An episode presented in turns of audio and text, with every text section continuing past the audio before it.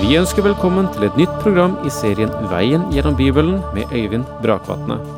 Denne studieserien er produsert av P7 Kristen Riksradio og bygger på serien Through the Bible av Vernon McGee. I dag fortsetter vi med Johannes' åpenbaring.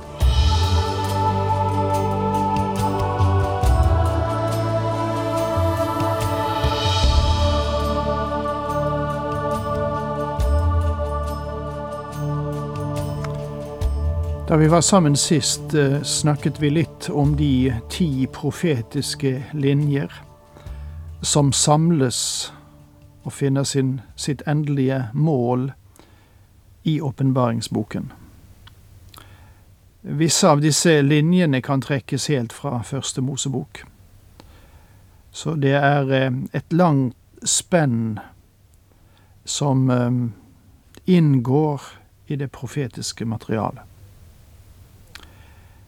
Derefter tok jeg for meg disposisjonen, vil si ordningen, av åpenbaringsboken, og eh, understreket at eh, er en meget velordnet bok, så det er ingen grunn til å mm, si at eh, dette forstår jeg ikke, ut ifra den synsvinkelen, i alle fall.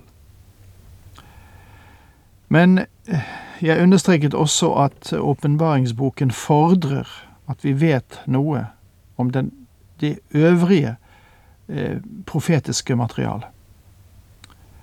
Eh, vi kan ikke gå rett til åpenbaringsboken og bare lese den, og så tro at vi skal forstå hva alt dette dreier seg om. Og jeg håper nå at vi skal finne en tilfredsstillende linje eh, gjennom åpenbaringsboken, der vi begynner med Kristi kors og himmelfart, og deretter møter menigheten, og så går videre, som jeg sa litt om sist. Den tyske teologen Stauffer har følge, følgende viktige observasjon å gjøre. Domitian var den første keiser som hadde et klart felttog mot Kristus, og kirken svarte på dette angrep under den siste av Kristi apostler, den Johannes som skrev Apokalypsen, nemlig åpenbaringsboken. Nero drepte Paulus og Peter, men han så på dem som frafalne jøder. Domitian var den første hersker som forsto at bak den kristne bevegelse sto der en veldig skikkelse som truet keisernes makt og herlighet. Han var den første som erklærte krig mot denne skikkelsen, og den første som også tapte denne krigen. En forsmak på det som skulle komme. Så langt teologen Erich Stauffer.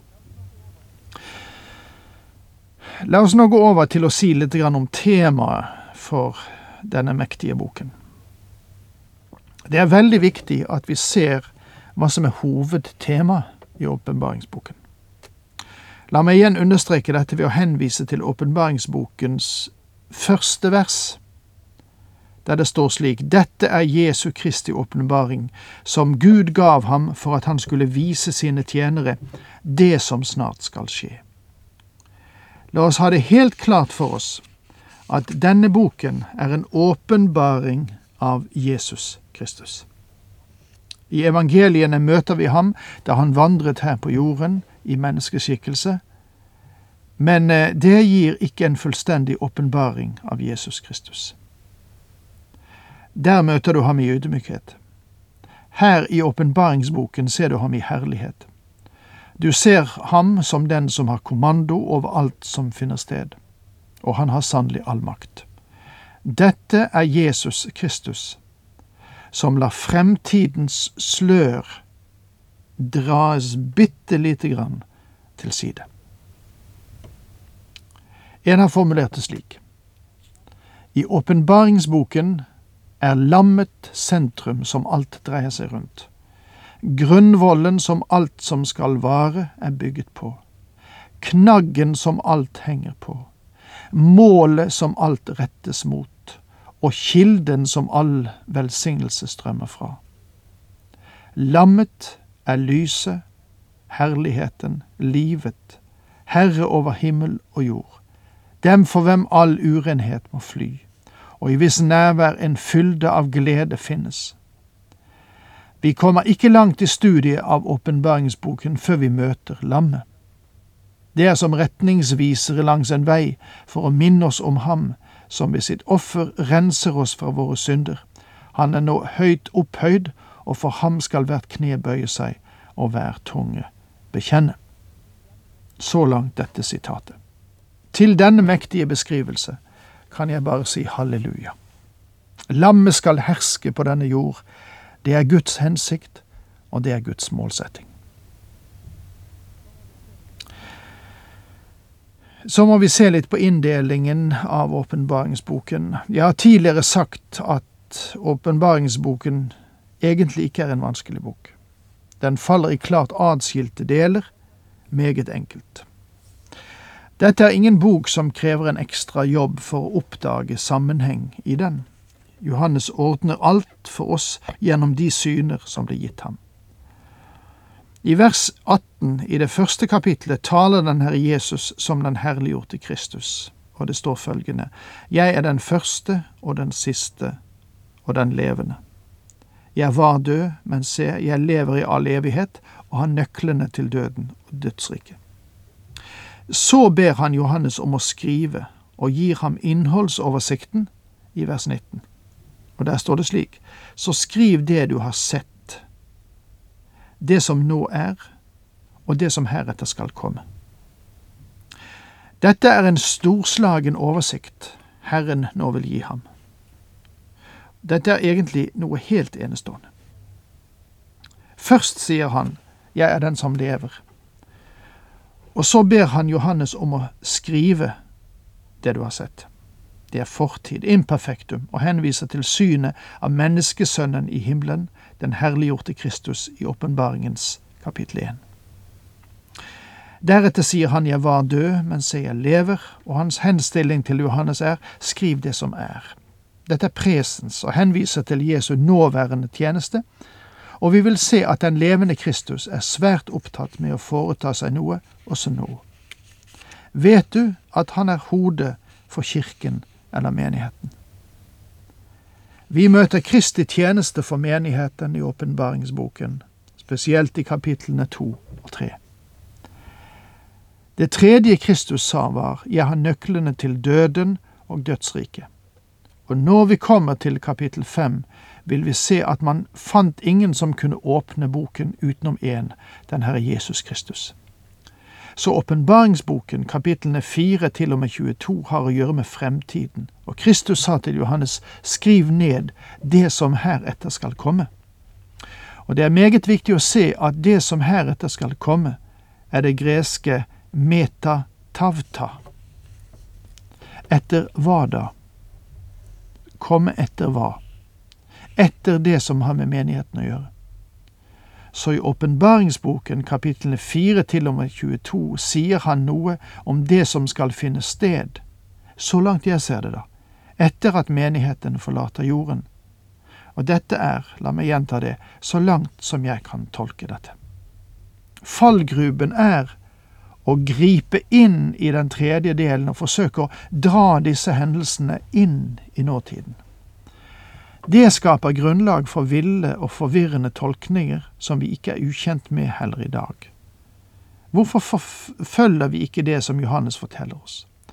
Han gir oss fortiden, nåtiden og fremtiden. Det gjør han i åpenbaringsboken. Han lar oss få vite når han kommer til meta tavta, det som heretter skal komme. Og det er vanskelig å bomme på dette om du ikke følger et system i tolkningen som passer inn i åpenbaringsboken. Og som du vil se av denne innholdsoversikt, som kommer litt senere, så har jeg brukt disse tre hovedanvisningene som Johannes har gitt oss. Altså for det første Jesu Kristi person, Kristus i herlighet, kapittel 1. For det andre Jesu Kristi eiendom, Kirken i verden er hans. Kapitlene to og tre. Og det tredje hovedavsnittet du finner her, det er Jesu Kristi program. Slikt som det ses i himmelen. Og det dekker kapitlene fire til og med 22. Altså Jesu Kristi person, Jesu Kristi eiendom og Jesu Kristi program. Den siste delen har å gjøre med fullendelsen av alle ting på denne jord. Og Det er dette som gjør den til en så fantastisk og enestående bok. I første del av åpenbaringsboken møter vi Kristi person i hans stilling og herlighet som den store øverste prest som bærer ansvaret for sin kirke. Og vi vil se at han har absolutt kontroll. I evangeliene møter vi ham som den saktmodige, ydmyke og bøyde. Han stilte seg åpent frem for sine fiender på jorden og døde på et kors. Men vi møter et fullstendig nytt bilde av ham her i åpenbaringsboken. Her har han absolutt kontroll. Selv om han fremdeles er Guds lam, så er det hans vrede som blir åpenbart, lammets vrede, og den sjokkerer jorden. Når han taler i vrede, begynner hans dom over jorden. Jesus Kristus er hovedtema i denne boken. Når tildragelsene flyttes til himmelen, ser vi ham der også som den som kontrollerer alt. Ikke bare i åpenbaringsboken, men i hele Bibelen er Jesus Kristus hovedtema. Skriften er både teosentrisk og kristosentrisk, vil si gudsentrert og Kristussentrert. Siden Kristus er Gud, så er han den som fyller horisonten i alt Guds ord. Og dette må vi på en spesiell måte ha klart for oss når vi gransker åpenbaringsboken. Mer her enn i evangeliene. Bibelen som helhet forteller oss hva han har gjort, hva han gjør, og hva han vil gjøre. Åpenbaringsboken understreker både hva han gjør, og hva han vil gjøre. Den siste boken i Det gamle testamentet, Malaki, avsluttes med å nevne rettferdighetens sol som skal gå opp. Den løfter frem et håp for en jord som er forbannet, og dette håpet knytter seg til den Herre Jesus Kristus som kommer igjen. Åpenbaringsboken avsluttes med den strålende morgenstjerne, som er et bilde på Kristus når han kommer for å hente sin menighet fra jorden. Bortrykkelsen er Det nye testamentets håp, på samme måte som åpenbaringen av Kristus var håpet for Det gamle testamentet. Og åpenbaringsboken vil gjøre Kristi åpenbaring fullstendig.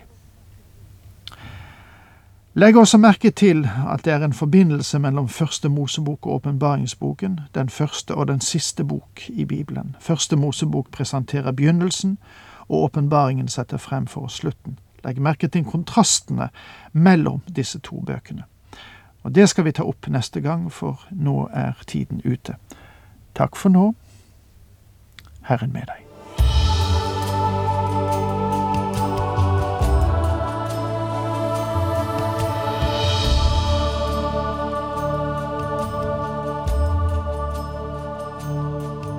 Du hørte Øyvind Brakvatne i studieserien Veien gjennom Bibelen. Serien bygger på et manus av Vern McGee. Har du spørsmål eller kommentarer til programmet, kan du sende en e-post til vgb krøllalfa p7.no. Takk for i dag, og på gjenhør.